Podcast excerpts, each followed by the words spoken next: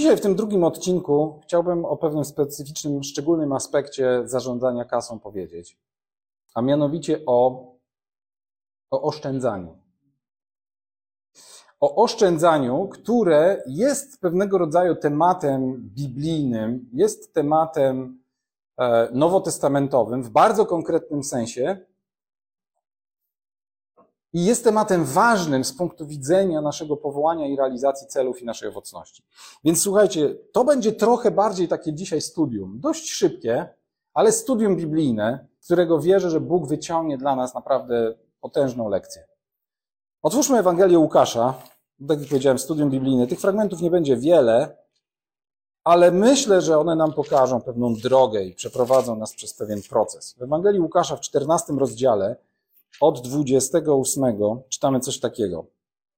Bo któż z was, chcąc zbudować wieżę, no, mówi Jezus, najpierw nie usiądzie i nie obliczy wydatków, czy mu wystarczy na ukończenie. Aby czasem, gdyby położył fundament, a nie mógłby ukończyć, wszyscy, którzy by to widzieli, nie zaczęli się z niego naśmiewać, mówiąc, ten człowiek zaczął budować, a nie zdołał ukończyć. Wystarczy, do tego miejsca, bo tam dalej już jest to o czymś innym. Jest o królu i o wojnie i tak dalej. Więc widzimy pierwsza, pierwsze jakby podejście do tematu. Jeżeli planujesz jakąś inwestycję, jeżeli planujesz jakąś budowę, i to mówi Jezus, jest normalne, że najpierw siadasz, obliczasz wydatki i rozpoczynasz tę budowę w momencie, kiedy masz zgromadzone środki po to, żeby móc ją dokończyć. Prosta rzecz. I to jest coś, co już jest wyzwaniem, jak sądzę, dla wielu naszych, nazwijmy to, duchowych, duchowo odrodzonych, a czasem wręcz religijnych umysłów. Bo my myślimy, dobra, miejmy na początek. Zacznijmy, byle zacząć, alleluja i do przodu. Tak? Zbierzmy na pierwszy, tam, nie wiem, czynsz. Zbierzmy na pierwsze jakieś kroki. Zbierzmy na ziemię, kupmy ziemię, albo wylejmy fundament. Wiecie, ile kościołów zostało wybudowanych do poziomu fundamentu albo do poziomu stanu surowego? Po prostu masakra. W latach 90., na początku lat 2000 było tego naprawdę dużo. I, I tu nie chodzi oczywiście, że to kościoły, że to kościół jest jakimś szczególnym rodzajem wstydu. Każdy rodzaj inwestycji. Dom, w ogóle budowla, wieża tutaj jest pewnego rodzaju symbolem i to jakby pokazuje, ale każdego rodzaju budowla, każdego rodzaju życiowa inwestycja rozpoczęta, rozgrzebana, ze sterczącymi stalowymi drutami. Oczywiście są pewne kultury w Europie i gdzieś tam bardziej na wschód, no, które jak ktoś gdzieś wyjeżdżał, no to wiemy, że tam z powodów formalnych czasami większość inwestycji jest zakończona właśnie na etapie sterczących stalowych drutów, bo starczące celowe stalowe druty są dowodem na to, że inwestycja nie jest zakończona. Dopóki nie jest zakończona, to nie może być odebrana, to nie musi być opłacana podatkowo i tak dalej, i tak dalej. Więc jakby abstrahując od sytuacji, gdzie z powodów ekonomicznych, różnych czy formalnych, prawnych opłaca się nie kończyć budowy. I to jest normą dla jakiegoś środowiska, dla jakichś warunków kulturowych, wiem, ekonomicznych. Ale mówimy o sytuacji takiej powiedzmy bardziej normalnej, gdzie opłaca się człowiekowi zakończyć budowę, gdzie opłaca się zebrać wszystkie odbiory i zacząć z nią funkcjonować. Pan Jezus mówi wyraźnie: miej na dokończenie. Miej na dokończenie. W drugim liście do Koryntian jest fragment, który, słuchajcie, ja nie wiem, czy to nie jest po prostu jakiś znak, ale mam wrażenie, że w ciągu ostatniego półrocza to będzie czwarty czy piąty raz, kiedy czytamy ten fragment. I naprawdę to nie jest jakieś moje, wiecie, wołanie jakiegoś maniaka w temacie, żeby coś. Po prostu, jeżeli on mi się pojawia, to ja pomyślałem sobie, spoko, ja, ja po prostu mogę go przeczytać. Samemu mi się dziwnie zrobiło, jak ten fragment mi się dzisiaj jakby pokazał. Znaczy nie dzisiaj, tylko, tylko wczoraj go wprowadziłem do notatek. Jak on mi jakoś tak znowu wyskoczył, ale okej, okay, czytajmy. Znowu to będzie dziewiąty rozdział drugiego listu do Koryntian. I tam mówi Paweł tak, lecz o posłudze na rzecz świętych nie ma potrzeby, abym wam pisał. Znam bowiem waszą gotowość, z powodu której wobec Macedończyków chlubię się wami. Pamiętacie, Koryntianie, Korynt, tak, potężny ośrodek w Achai, jakby w Grecji. Abstrahując od, od Macedonii, od, od kościołów macedońskich, które Paweł też regularnie odwiedzał e, Kolosy, e, Laodycea i tak dalej. I jakby on często te regiony przeciwstawia sobie, ale nie w takim kontekście jakiejś konkurencji, tylko pokazuje, że Korynt, Achaja, miasto portowe, dwumiasto de facto, jest, jest miastem bogactwa. I często w pierwszym kościele, na początku kościoła, bardzo ważne było, w jaki sposób kościoły, zbory, wspólnoty sobie wzajemnie pomagają. One od początku miały poczucie pewnej sieci, pewnej wspólnoty ciała i pewnej wspólnoty też dóbr. Że nie może być tak, żeby moi bracia i siostry gdzieś w innym mieście tylko dlatego, że jest położony, e, że tak powiem, w Grecji B albo w Grecji C, cierpiał głód. Albo żeby cierpieli głód ci, którzy na przykład z powodu, no nie wiem, odruchu serca przeznaczyli wszystkie swoje majątki, oszczędności, nie wiem, na innych, na biednych i teraz nie mają gdzie mieszkać. Kościół w innych miastach miał się o to troszczyć. I Paweł do tego nawiązuje i pisze do, do Koryntian właśnie tak. Znam bowiem waszą gotowość, z powodu której wobec Macedończyków chlubię się wami, że Achaja jest gotowa od zeszłego roku i wasza gorliwość pobudziła wielu. Co to znaczy, że Achaja jest gotowa? To znaczy, że ma zgromadzoną kasę. Po prostu. Ale posłałem braci, żeby nasza chluba z was nie okazała się pod tym względem próżna, abyście, jak mówiłem, byli przygotowani. Paweł jeszcze dodatkowo, wiecie, oprócz tego, że pewnie się modli i że woła do Boga, Panie Jezu, przyślij swojego Ducha Świętego, żeby naszych braci w Koryncie oświecił i dał im opamiętanie, i dał im miłość, i dał im właściwe nastawienie serc, to, to jest, wiecie, niezwykłe, że ten duchowy człowiek Paweł bierze gości i mówi: Słuchajcie, modlitwy modlitwami, my to dalej będziemy robić, ale wy lepiej tam jedźcie i sprawdźcie, czy oni rzeczywiście się przygotowali, czy oni rzeczywiście mają odłożoną kasę dla Macedonii. I abyśmy, jeśli przypadkiem przybyliby ze mną Macedończycy, i ktoś z Macedonii, później z Pawłem przybyłby do Koryntu i zastali was nieprzygotowanymi, żebyśmy nie byli zawstydzeni, nie byli zawstydzeni my, żeby nie powiedzieć wy za tak śmiałe przechwalanie się. Paweł prawdopodobnie pisze ten list właśnie z Macedonii, prawdopodobnie z Filipi, jednego z miast e, właśnie macedońskich, do, do Koryntu. Dlatego mówi, że być może z tej Macedonii ktoś ze mną może tam przybyć. Uważałem więc za konieczne zachęcić braci, aby wcześniej udali się do was i zawczasu przygotowali przedtem obiecany wasz hojny dar, aby był gotowy jako wyraz hojności, a nie skąpstwa. Lecz mówię, kto skąpo sieje, skąpo też rządź będzie, a kto sieje obficie, obficie też rządź będzie. Każdy, jak postanowił w swym sercu, tak niech zrobi nie z żalem ani z przymusu, gdyż radosnego dawcę Bóg miłuje. Widzicie, ja, ja, wiem, że to jest pewien kontekst dzisiejszego tego słowa, ale zauważcie, w jakim kontekście Paweł pisze, kto skąpo sieje, skąpo rządzi będzie, kto się, kto się obficie, obficie rządzi będzie. Co znaczy siać skąpo lub obficie w tym konkretnym kontekście dla Koryntian teraz? Oznacza odłożyć obficie lub skąpo kasę.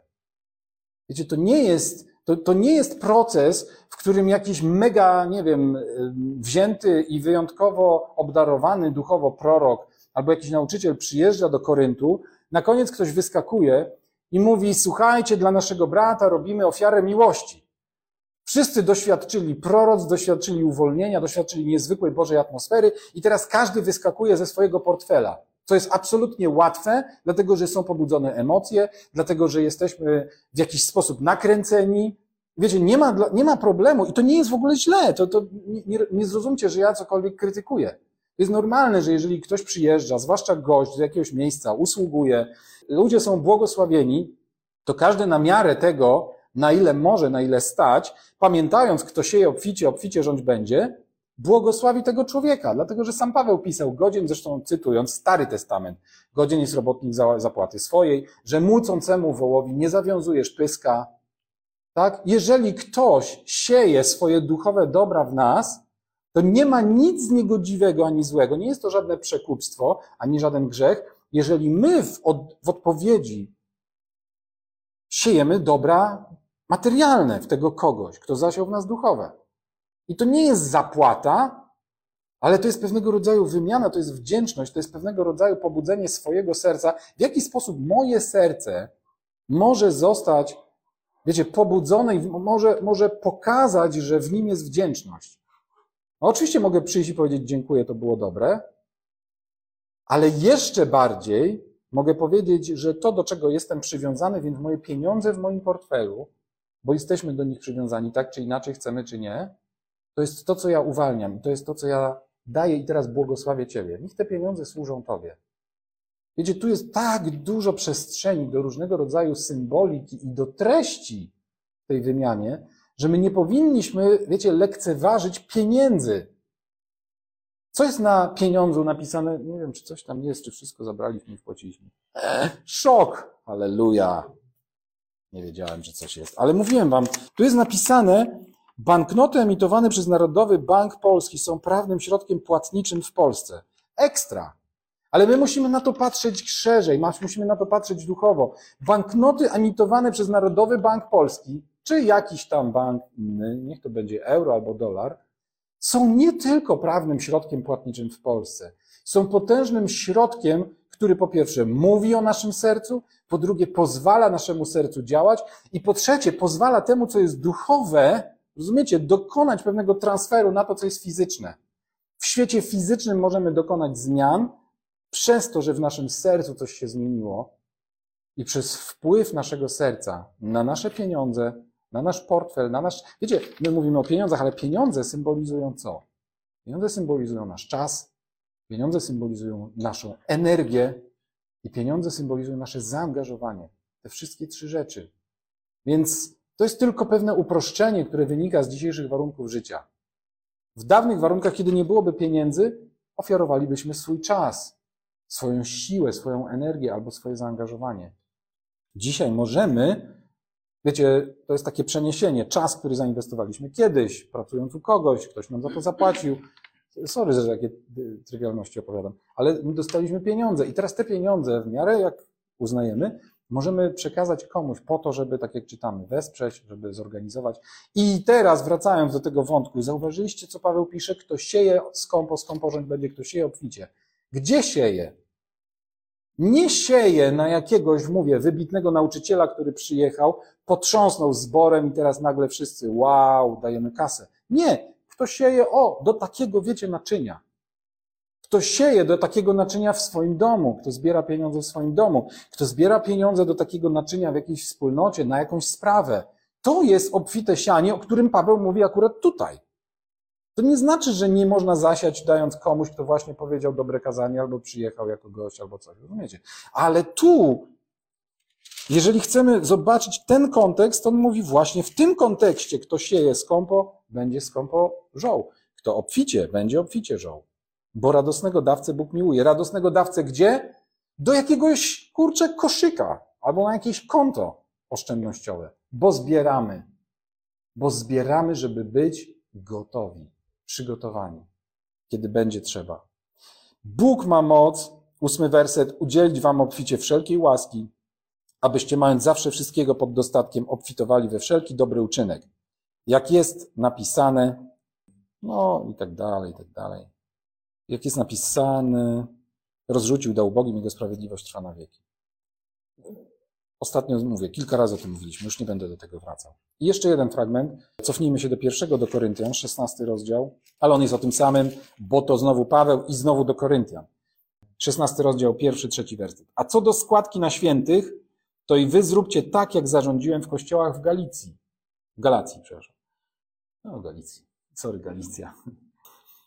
Każdego pierwszego dnia tygodnia niech każdy z was odkłada u siebie stosownie do tego, jak mu się powodzi aby nie urządzać składek dopiero wtedy, kiedy ja tam przybędę. A gdy przyjdę, poślę tych, których w listach uznacie za godnych, aby zanieśli wasz hojny dar do Jerozolimy. Tutaj była inna sytuacja, to był list wcześniej napisany. Nie chodziło o dar dla Macedończyków, tylko chodziło o dar dla w sumie biednego kościoła w Jerozolimie. I, i o to chodziło. Ale zobaczcie, metoda dokładnie ta sama. Metoda dokładnie ta sama. Nie bądźcie gotowi w sercu dać, kiedy przybędę. Nie przemyślcie to. Nie zastanówcie się, ile dać. Tylko rozumiecie, jak przyjadę, żeby odebrać dar, to po prostu sprawa jest prosta. Każdy przynosi ten swój słoik, do którego odkładał przez jakiś czas. I nie ma w ogóle problemu. I to jest jakaś filozofia, i to jest jakaś mentalność, której my musimy się nauczyć, jeżeli chcemy naprawdę do czegoś dojść jako, jako ludzie wierzący. I nie mówię teraz jako Kościół. I nie mam na myśli bynajmniej, wiecie, nie wiem, jakiegoś kwestii jakichś tam pomieszczeń i tak dalej. Mówię o zupełnie rzeczach absolutnie dowolnych. O wszystkim, do czego Bóg nas powołuje i do czego nas przeznacza. A jeżeli będą do tego potrzebne pieniądze, jeżeli będzie trzeba do tego jakiegokolwiek takiego materialnego, fizycznego zaangażowania, to wiecie, to jest dokładnie tak. Jeden będzie mógł pójść i poświęcić swój czas, bo go ma, a inny nie będzie mógł poświęcić swojego czasu, bo go nie ma, bo na przykład właśnie dużo pracuje, ale będzie mógł tym, co zarobi, podzielić się i przeznaczyć na to dzieło. I, i chodzi o to, że po prostu, wiecie, ja, ja, nie wiem do końca, ja nie powiem dzisiaj, że mamy do zbudowania to, tamto, mamy do zrobienia taki czy taki projekt. Ja wiele, wiele z tych rzeczy wierzę, że jest przed nami, jest cały czas jakby jeszcze nam do końca nie objawione. Tylko, że Bóg nam tego nie objawi, On nam tego nie pokaże, dopóki nie zobaczy, że my w sercu jesteśmy gotowi zadziałać w oparciu o takie mechanizmy. I że będziemy mieli w sobie w pewien sposób naturę biblijną, nowotestamentową, nowoprzymierzową, kościelną naturę człowieka, który jest gotów do pewnego rodzaju, zauważcie, pewnego rodzaju, drobnych, niedużych ofiar po to, żeby zbudować coś znacznego. W ogóle cała ta historia i całe to nauczanie o takim biblijnym oszczędzaniu, wiecie, nie jest do końca też tylko o pieniądzach.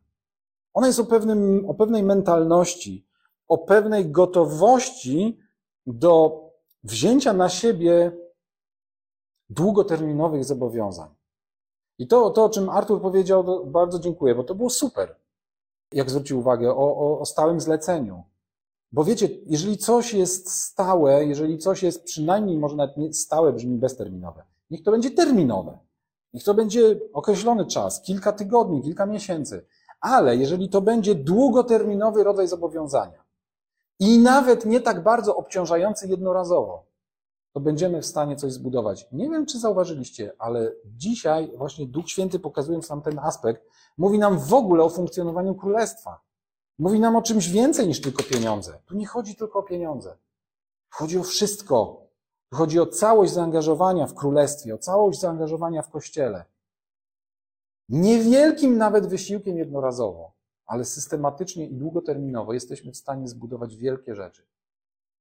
Nie zbudujemy nic, jeżeli będziemy cały czas funkcjonowali na spontaniczności i na słomianym zapale.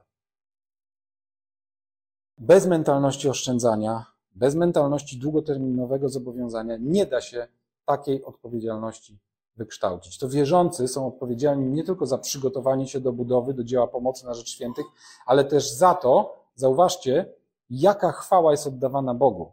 To jest ten wątek, który jest poruszony to jest ten wątek, który jest poruszany w tym drugim do Koryntian, w dziewiątym rozdziale, bo, bo tego nie doczytaliśmy, ale słuchajcie, w dwunastym wersecie, tym dziewiątym, jest tak, tak napisane. Posługiwanie bowiem w tej służbie, czyli w tej służbie zaspokajania potrzeb świętych gdzie indziej, nie tylko zaspokaja niedostatki świętych, ale też obfituje w liczne dziękczynienia składane Bogu. I dalej czytamy, a modląc się za was, tęsknią za wami z powodu obfitującej w was łaski Bożej, przepraszam, trzynasty. Gdyż przez doświadczenie tej posługi chwalą Boga za to, że jesteście posłuszni wyznawanej przez siebie Ewangelii Chrystusa. To jest w ogóle ciekawe. Robiąc tak, dajecie dowód innym, że jesteście posłuszni wyznawanej przez siebie Ewangelii Chrystusa. To jest też jeden z dowodów na to, że ktoś jest wiernym świadkiem Ewangelii Chrystusa. Ale co jest ważne, na, na to chciałem zwrócić uwagę, że ta posługa w jedenastym jeszcze wersecie, o to mi chodziło. Obyście byli wzbogaceni we wszystko ku wszelkiej hojności, która sprawia, że z naszego powodu składane jest dziękczynienie Bogu. Z naszego powodu, czyli z powodu tego, co my robimy z tymi finansami, składane jest dziękczynienie Bogu. Czyli Paweł mówi tak, zróbcie wy coś, przeznaczcie swoje pieniądze, zaoszczędźcie te pieniądze, zgromadźcie te pieniądze po to, żeby Bogu była oddawana chwała. Ludzie bardzo często funkcjonują dokładnie odwrotnie. Szczególnie ci, którzy słabo znają Boga albo go nie znają. Ale zauważcie, czy my czasem też nie mamy takich pokus. Czy idziemy do Boga i powiemy, Panie, Ty nas pobłogosław, Ty zrób, moje, Twoje błogosławieństwo wlej do mojego życia, a de facto ja będę odbierał potem chwałę. Ja będę mógł udzielać innym, ja będę mógł błogosławić innych i wszyscy zobaczą, że ja to ja zrobiłem. Tymczasem Paweł mówi, że jest coś dokładnie odwrotnego. Chodzi o to, żeby właśnie nasz wysiłek, nasza wierność, nasza systematyczność została, zaowocowała dziękczynieniem składanym Bogu i chwale oddawanej Bogu. No i tu moglibyśmy skończyć, ale, jest pewne ale. Bo pamiętajcie, mówimy o oszczędzaniu i nie moglibyśmy skończyć tematu oszczędzania bez pokazania pewnej drugiej strony. Nie chodzi oczywiście o samo oszczędzanie, ale również o jego cel. Bo można powiedzieć, o ten to jest oszczędny, ale równocześnie ten oszczędny to jest po prostu skąpy. I tu nie chodzi o, skąp, o, o oszczędność, która jest skąpstwem. Tu nie chodzi o oszczędność, która jest skąpstwem wobec siebie samego nawet, wobec swojej rodziny, wobec domu, czy wobec otoczenia, wobec kościoła i tak dalej. Bo jeżeli chcemy oszczędzać dla siebie, żeby mieć spokój jako antidotum na wszelkie troski, nie musieć pracować i nie polegać na Bogu jako źródło zaopatrzenia, to powinniśmy przeczytać jeszcze jeden fragment, e, jeszcze jedną wypowiedź Jezusa z Ewangelii Łukasza, dwunasty rozdział. I to będzie dopiero komplet, którym będziemy mogli zamknąć całość. Od 15 wersetu czytamy 12-15 Łukasza 12-15. I opowiedział im przypowieść. A to jest w ogóle ciekawe, bo, w, e, przepraszam, zacząłem od 16, a w 15 Jezus mówi: Uważajcie i strzeżcie się chciwości, gdyż nie od tego, że ktoś ma obfitość dóbr, zależy jego życie. I opowiedział im przypowieść. Pewnemu bogatemu człowiekowi pole przyniosło obfity plon. Właśnie bogatemu człowiekowi przyniosło jeszcze obfity plon. I rozważał w sobie, cóż mam zrobić, skoro nie mam gdzie zgromadzić moich plonów. Powiedział więc, zrobię tak, zburzę moje spichlerze, a zbuduję większe. I zgromadzę tam wszystkie moje plony i moje dobra. I powiem mojej duszy, duszo, masz wiele dóbr złożonych na wiele lat, odpoczywaj, jedz, pij i wesel się. I tak szczerze mówiąc, musimy się przyznać przed sobą, że czasami, czasami jest to przedmiot naszych marzeń. Czasami myślimy sobie, a, taki jeden strzał i dobry biznes. I później nie musiałbym pracować. Oczywiście mówimy, nie musiałbym pracować zawodowo, bo mógłbym pracować dla królestwa, mógłbym fundacje zakładać, mógłbym biednym pomagać, mógłbym e, Ukraińcom mieszkania budować w ogóle, no po prostu na, na wszystko, co ważne, miałbym wreszcie czas, gdyby nie ta moja wredna praca, która cały czas mnie ogranicza i która cały czas mnie usidla. Powoduje, że muszę pracować. A taki jeden strzał, spichlerze, wiecie, taki, no, taki bohater naszych naprawdę czasem marzeń. Dwudziesty werset mówi tak, ale Bóg mu powiedział, głupcze, tej nocy zarządzają, zażądają od ciebie twojej duszy a to, co przygotowałeś, czyje będzie? Tak jest z każdym, kto gromadzi skarby dla siebie, a nie jest bogaty w Bogu. Ale możemy jeszcze dalej czytać. Potem, potem powiedział do swoich uczniów, tak jakby w związku z tym, dlatego mówię wam, nie troszczcie się o wasze życie, co będziecie jeść, ani o ciało, w co będziecie się ubierać. Życie jest czymś więcej niż pokarm, a ciało niż ubranie. Przypatrzcie się krukom, że nie sieją ani nie żną, nie mają spiżarni, ani spichlerza, a jednak Bóg je żywi. O ileż cenniejsi jesteście wy niż ptaki. I któż z was, martwiąc się, może dodać do swego wzrostu jeden łokieć? Jeśli więc najmniejszej rzeczy nie możecie uczynić, czemu troszczycie się o inne? Przypatrzcie się liliom, jak rosną, nie pracują ani nie przędą, a mówię wam, że nawet Salomon w całej swojej chwale nie był tak ubrany, jak jedna z nich. A jeśli trawę, która dziś jest na polu, a jutro będzie wrzucona do pieca, Bóg tak ubiera, o ileż bardziej was, ludzie małej wiary. Nie pytajcie więc, co będziecie jeść, co będziecie pić, ani nie martwcie się o to. O to wszystko bowiem zabiegają narody świata. Lecz wasz ojciec wie, że tego potrzebujecie. Szukajcie raczej Królestwa Bożego, a to wszystko będzie wam dodane. Nie bój się, mała trzutko, gdyż upodobało się waszemu ojcu dać wam królestwo. Sprzedawajcie, co posiadacie i dawajcie jałmużnę. Przygotujcie sobie sakiewki, które nie starzeją się. Skarb w niebie, którego nie ubywa, gdzie złodziej nie ma dostępu, ani mól nie niszczy. Bo gdzie jest skarb wasz, tam będzie też wasze serce. Czyli jednak chodzi o serce. Czyli jednak chodzi o serce. I oczywiście nie da się, wiecie, to, to jest przykład tego, że nie da się też Biblii, nawet Nowego Przymierza, czytać wyłącznie, jakby wiecie, w takiej warstwie tekstowej. Wyłącznie. Bo, wiecie, przed chwilą przeczytaliśmy, że ważne jest oszczędzanie, ważne jest planowanie, a tu przeczytaliśmy coś, co wydaje się, że jest czymś dokładnie przeciwnym. Tymczasem ten fragment nie tyle jest o pieniądzach, w pierwszej części jest, ale, ale jest o sercu i o tym, co się dzieje w sercu tego człowieka. Ta interpretacja, to co Jezus mówi, dlatego mówię wam, i tu jest to pierwsze kluczowe słowo, nie troszczcie się, nie martwcie się. Jeżeli Twoja oszczędność ma być antidotum na Twoje zmartwienie, na Twoją troskę, na Twój lęk o przyszłość, na Twój lęk o swoje możliwości zarabiania w przyszłości, na Twój lęk o Twoje dzieci. To źle. To źle, nie o to w tym chodzi. To przestań oszczędzać. To, co mówi, rozdaj wszystko. Sprzedaj, co masz, rozdaj wszystko, pozbaw się tych wszystkich zabezpieczeń. I potem przyjdź do mnie i na mnie polegaj. Tak mówi Pan. Ale mówi wcześniej, jeżeli, i to są, wiecie, kluczowe, ja sobie tak wynotowałem pięć błędów tego bogacza. E, I po prostu tak ku przestodze, żebyśmy nie, nie popadali w coś, tak, w coś takiego. Ale jeżeli będziemy działać tak jak on, to po pierwsze, gromadził plony w pierwszej kolejności dla siebie. Tak? Co mam zrobić z tym, co mi przyniosło plon? Po drugie, nie inwestował w życie duchowe, ani w swoje, ani w innych. E, można powiedzieć w duchowe, w jakieś wyższe wartości.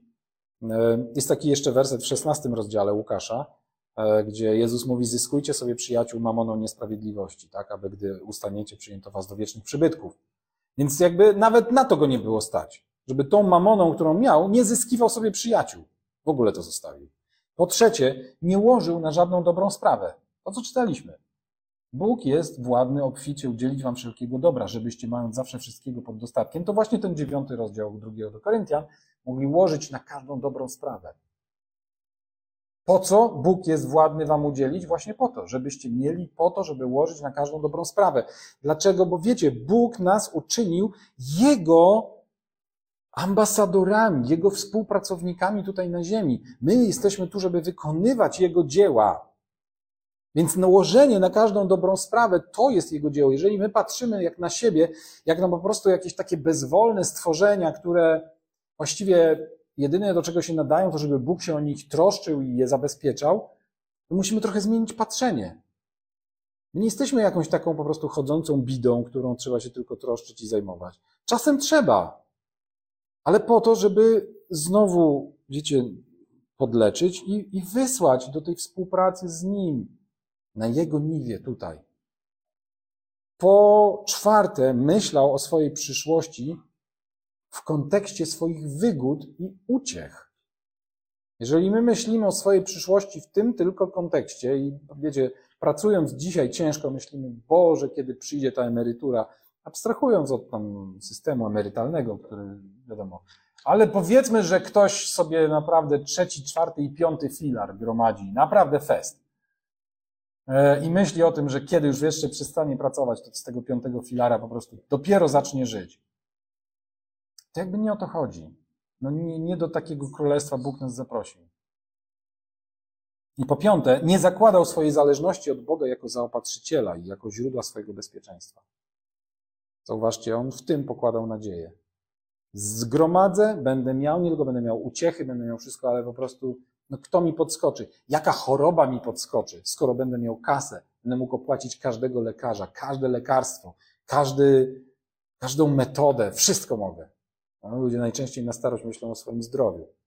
Ale będę mógł zabezpieczyć dzieci, a jeszcze i wnuki. Wszystkim pobuduję wszystko i w ogóle super będzie. A Bóg mówi tutaj: nie martw się o siebie i o swój dom. O ciebie, o ciebie i o mnie zatroszczy się Bóg. To jest, zrozumcie, my jesteśmy w pewien sposób, nie chcę powiedzieć projektem, ale no, my jesteśmy obiektem Bożej miłości. To Bóg ma zgromadzone zasoby u siebie, żeby zabezpieczyć nasze życie i życie naszych dzieci i naszych wnuków. Nie wiem, czy, czy łapiecie ten kontekst. Nie my mamy gromadzić zasoby na zabezpieczenie naszej przyszłości. To Bóg ma zgromadzone zasoby dla nas na zabezpieczenie naszego życia teraz i w przyszłości. I jeżeli my mamy odzwierciedlać Jego naturę, to my mamy gromadzić zasoby po to, żeby wykonywać Jego dzieła dalej tutaj na ziemi. I mamy gromadzić, i mamy oszczędzać, ale nie dla siebie. Nie dla zaspokojenia swoich potrzeb, nie dla zaspokojenia swojego braku poczucia bezpieczeństwa, nie dla swojej, wiecie, swojego komfortu, bo o nasze bezpieczeństwo troszczy się On. Ty bądź gotów do realizacji Bożych celów i do wspierania świętych. Na to bądźmy gotowi. Na to bądźmy gotowi. Jeżeli cokolwiek nas zastanie nieprzewidzianego, jakiekolwiek okoliczności, będziemy czegokolwiek potrzebować, będziemy potrzebować jakichś nieoczekiwanych wydatków, nieoczekiwanych, to, to wiecie co? To mamy Boga i mamy braci i siostry. I w tym kontekście musimy zacząć też myśleć o sobie nawzajem. Że Bóg zabezpiecza nasze życie przez to, co On sam osobiście robi, przez to, jak osobiście nas traktuje i przez miejsce też, w którym nas umieszcza i, i przez Kościół, w którym nas stawia. Więc wiecie, jeżeli ktoś dzisiaj miał jakiekolwiek obawy, najdrobniejsze obawy o swoją przyszłość, o swoje jutro, bo nie wiem, bo właśnie się kończą pieniądze, bo właśnie się kończą zasoby, to jest dzień, w którym naprawdę możemy się wyluzować i powiedzieć: Boże, dziękuję Ci za to, że Ty masz zgromadzone zasoby, wszystkie zasoby do zabezpieczenia wszystkich moich potrzeb dzisiejszych, jutrzejszych i wiecznych. I mogę Ci zaufać, że nie wiem jak, nie wiem którędy, ale wiem też, że umieściłeś mnie w miejscu, które nie pozwoli mi zginąć. Wiem też, że umieściłeś mnie w miejscu wsparcia, w miejscu współzależności. I, I, wiecie, i chciałbym, żebyśmy, możemy się nawet, wiecie, rozejrzeć po sobie dzisiaj i po prostu popatrzeć i powiedzieć, tak, to jest, to jest, wiecie, to, to jest, to jest właśnie Kościół, to jest, to jest rodzina, której Bóg nas postawił, żebyśmy byli zabezpieczeni, żebyśmy byli bezpieczni, ale też postawił nas tu, żebyśmy, mając wszystkiego pod dostatkiem, mogli hojnie łożyć na każdą dobrą sprawę, co dzisiaj dla nas oznacza, nie wyskakiwać z kasy każdej, którą tylko mamy. Gdzieś nam coś zbywa, od razu się jej pozbywamy. Nie. Tylko ją oszczędzać i odkładać u siebie. Paweł mówił u siebie, więc mówił to do Koryntian, którzy to mieli robić u siebie w domu. I to w ogóle było wyzwanie.